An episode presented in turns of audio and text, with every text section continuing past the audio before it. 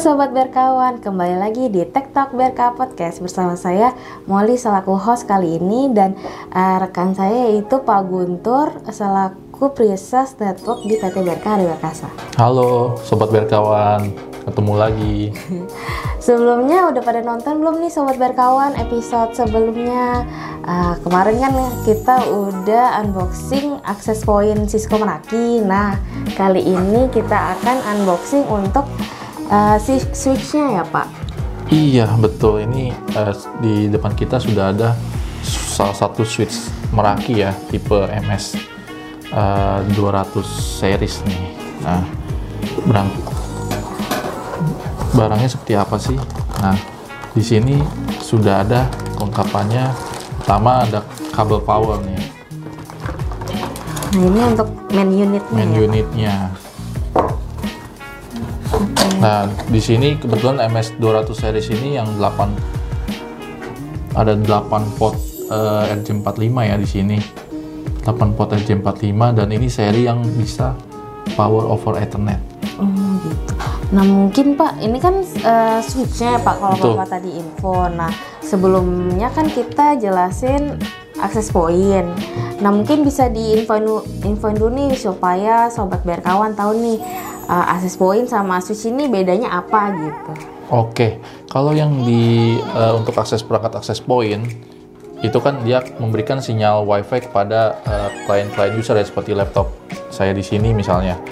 Nah, dari laptop saya ke akses point kan secara WiFi ya atau tidak ada kabel sama sekali gitu kan. Nah, dari akses point untuk ke jaringan dia membutuhkan perangkat jaringan lainnya ya. Dia tidak bisa berdiri sendiri. Nah, si akses point ini akan salah satunya pilihannya bisa terkoneksi ke perangkat switch ini contohnya.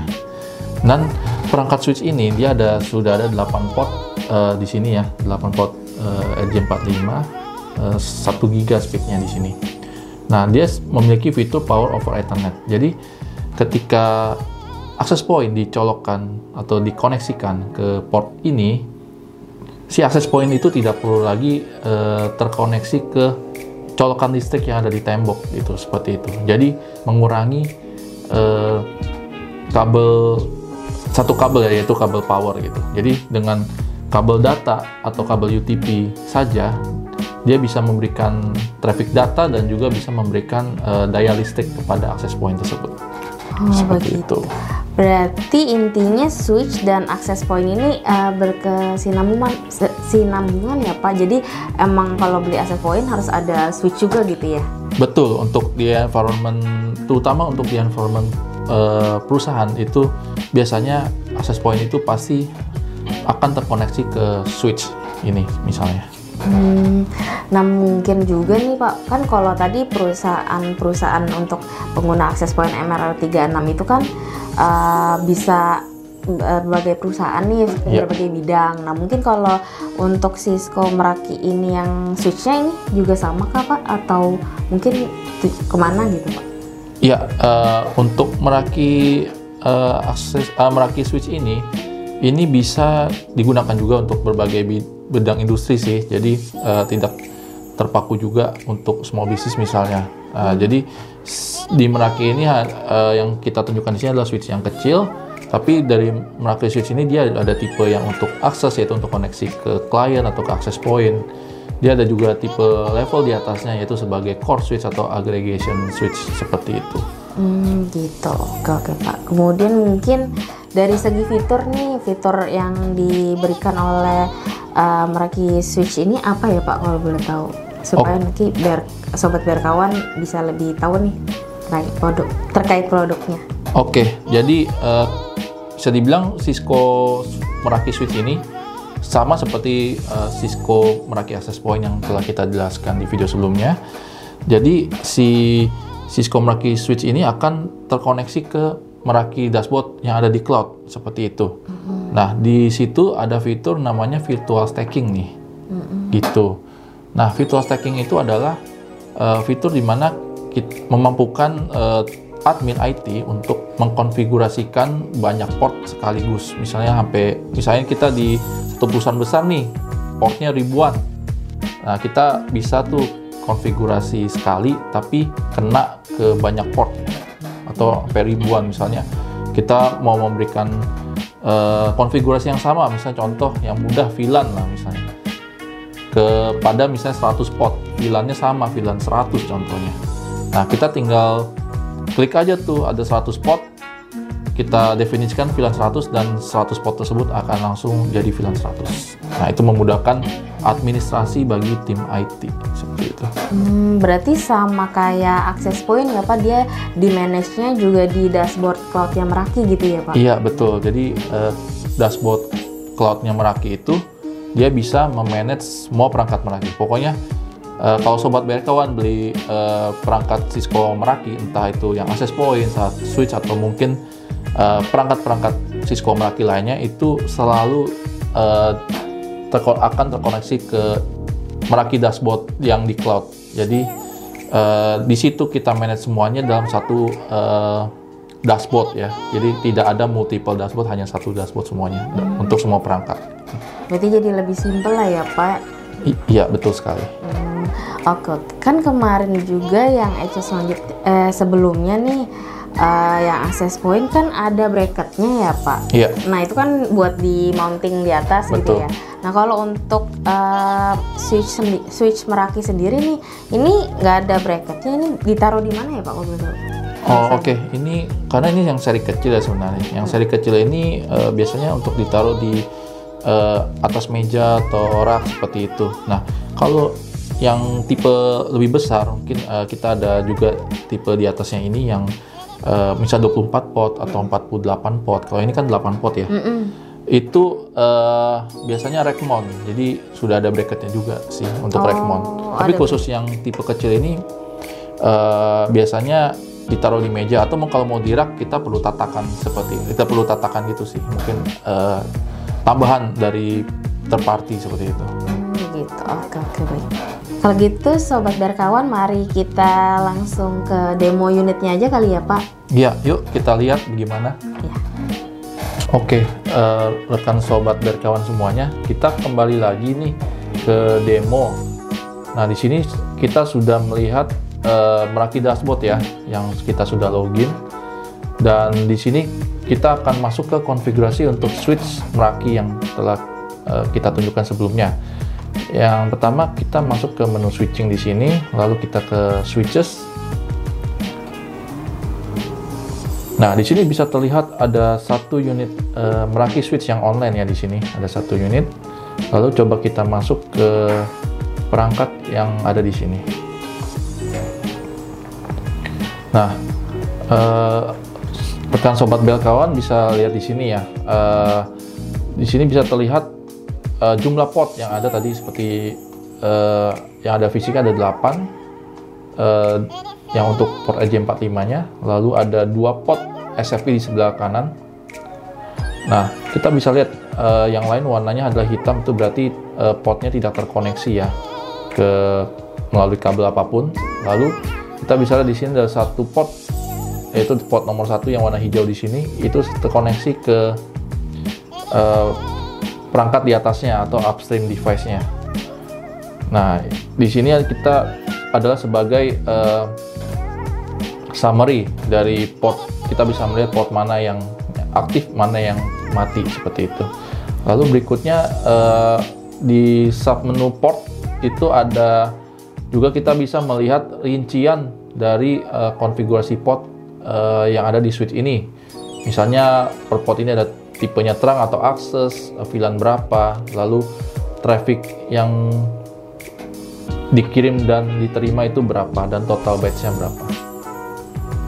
Lalu uh, berikutnya sub menu ada sub menu power di sini kita bisa melihat penggunaan dari power yang ada pada switch ini. Ya kita bisa lihat di sini ada consumption di sini uh, itu yang ada di sebelah kiri ini adalah 4,1 watt. Ya ini adalah uh, daya yang sedang dipakai oleh switch ini. Dan di sebelah kanan ada 124 watt adalah uh, maksimum dari uh, kemampuan PoE, PoE dari switch ini. Lalu berikutnya kita ke sub menu event log jadi di sini kita bisa lihat dari uh, yang dihasilkan oleh switch ini ketika uh, switch ini aktif. Lalu mungkin yang terakhir yang saya mau tunjukkan di sini adalah menu tools yang mungkin uh, unik ya yang yang ada di uh, Cisco Meraki Switch ini. Yang pertama kita di menu ini kita bisa lakukan testing ya uh, ke tujuan yang kita mau tes. Lalu dari menu ini juga kita bisa melakukan reboot device. Kalau ketika perangkat tersebut uh, misalnya kita mau coba reboot uh, daripada kita harus datang ke switch tersebut dan mematikannya secara manual, nah kita bisa uh, melakukan reboot dari tombol ini. Lalu ada juga menu Blink Lab di sini, yaitu kita melakukan uh, kita bisa menjalankan fungsi ini untuk membuat eh, lampu-lampu uh, LED yang ada pada masing-masing uh, semua port yang ada di switch tersebut untuk blinking atau kedap-kedip ya. Jadi ini berguna ketika kita mau meminta tolong rekan tim IT kita yang mungkin dekat dengan switch tersebut untuk mengecek secara fisik. Nah, ke, mungkin saja rekan kita bingung ini switch yang mana. Jadi ketika kita menjalankan fungsi blink LED ini, kita bisa menunjukkan switch yang tepat kepada rekan kita tersebut. Lalu berikutnya eh, ada juga fungsi kabel test di sini. Jadi ketika kita mau mengetes kabel, eh, ini kabel test ini lebih untuk port yang terkoneksi ke perangkat klien ya, misalnya ke access point atau ke PC seperti itu. Nah, di sini kita bisa jalankan fungsi cable test. Lalu mungkin yang uh, terakhir dari submenu ini adalah wake client. Menu wake client ini kalau uh, klien kita menjalankan fungsi wake online, di sini kita bisa menjalankan fungsi wake client dari uh, menu ini. Jadi kita bisa tentukan MAC address-nya berapa dan VLAN-nya berapa, lalu kita bisa send message untuk membangunkan si klien tersebut melalui fitur wake online. Lalu uh, berikutnya saya mau menjelaskan mengenai uh, bagian dari switch port ya. Jadi uh, ini kita adalah untuk melakukan konfigurasi port-port pada switch ini. Nah, sebagai contoh di sini ada 10 port ya, 8 port EJ45 dan 2 port SFP. Nah, di sini kita bisa konfigurasikan multiple port sekaligus karena ini hanya dalam satu switch. Uh, kita juga bisa mungkin kita bayangkan lah kalau misalnya di bagian switch port ini adalah ada uh, multiple switch di sini misalnya ada tiga atau empat switch ya uh, masing-masing 10 port. Nah, kita bisa misalnya uh, kita mau buat 30 port dalam 4 switch tersebut menjadi uh, satu VLAN yang sama kita tinggal lakukan edit. Uh, kita uh, portnya kita enable dan mungkin type-nya kita bikin misalnya dari terang jadi akses ya.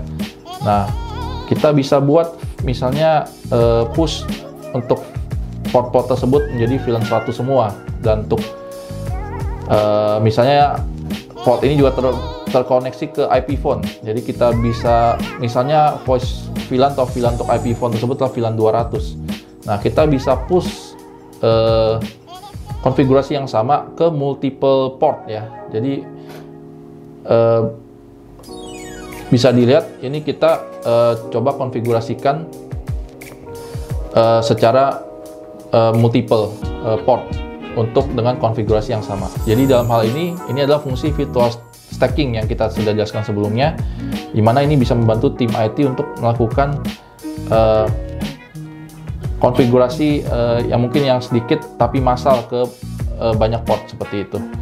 Lalu berikutnya kita akan ke menu ACL ya atau Access Control List. Access Control List ini adalah uh, mirip seperti uh, fungsi uh, blocking ya. Jadi di sini adalah fungsi blocking. Misalnya uh, di sini kita mau melakukan suatu blok uh, dari source IP tertentu ke destinasi IP tertentu di sini sudah bisa dilakukan seperti itu. Lalu uh, mungkin yang terakhir saya mau jelaskan di sini adalah fungsi port schedules yang unik juga untuk uh, perangkat Meraki switch ini. Jadi dengan port schedule, uh, misalnya kita, uh, sorry mungkin saya uh, tadi menekan add new schedule ya dan kita bisa lakukan uh, ini seperti konfigurasi access point mungkin SSID-nya kita buat eh, hanya tersedia pada saat jam kerja, misalnya jam 8 sampai jam 5, Senin sampai Jumat saja.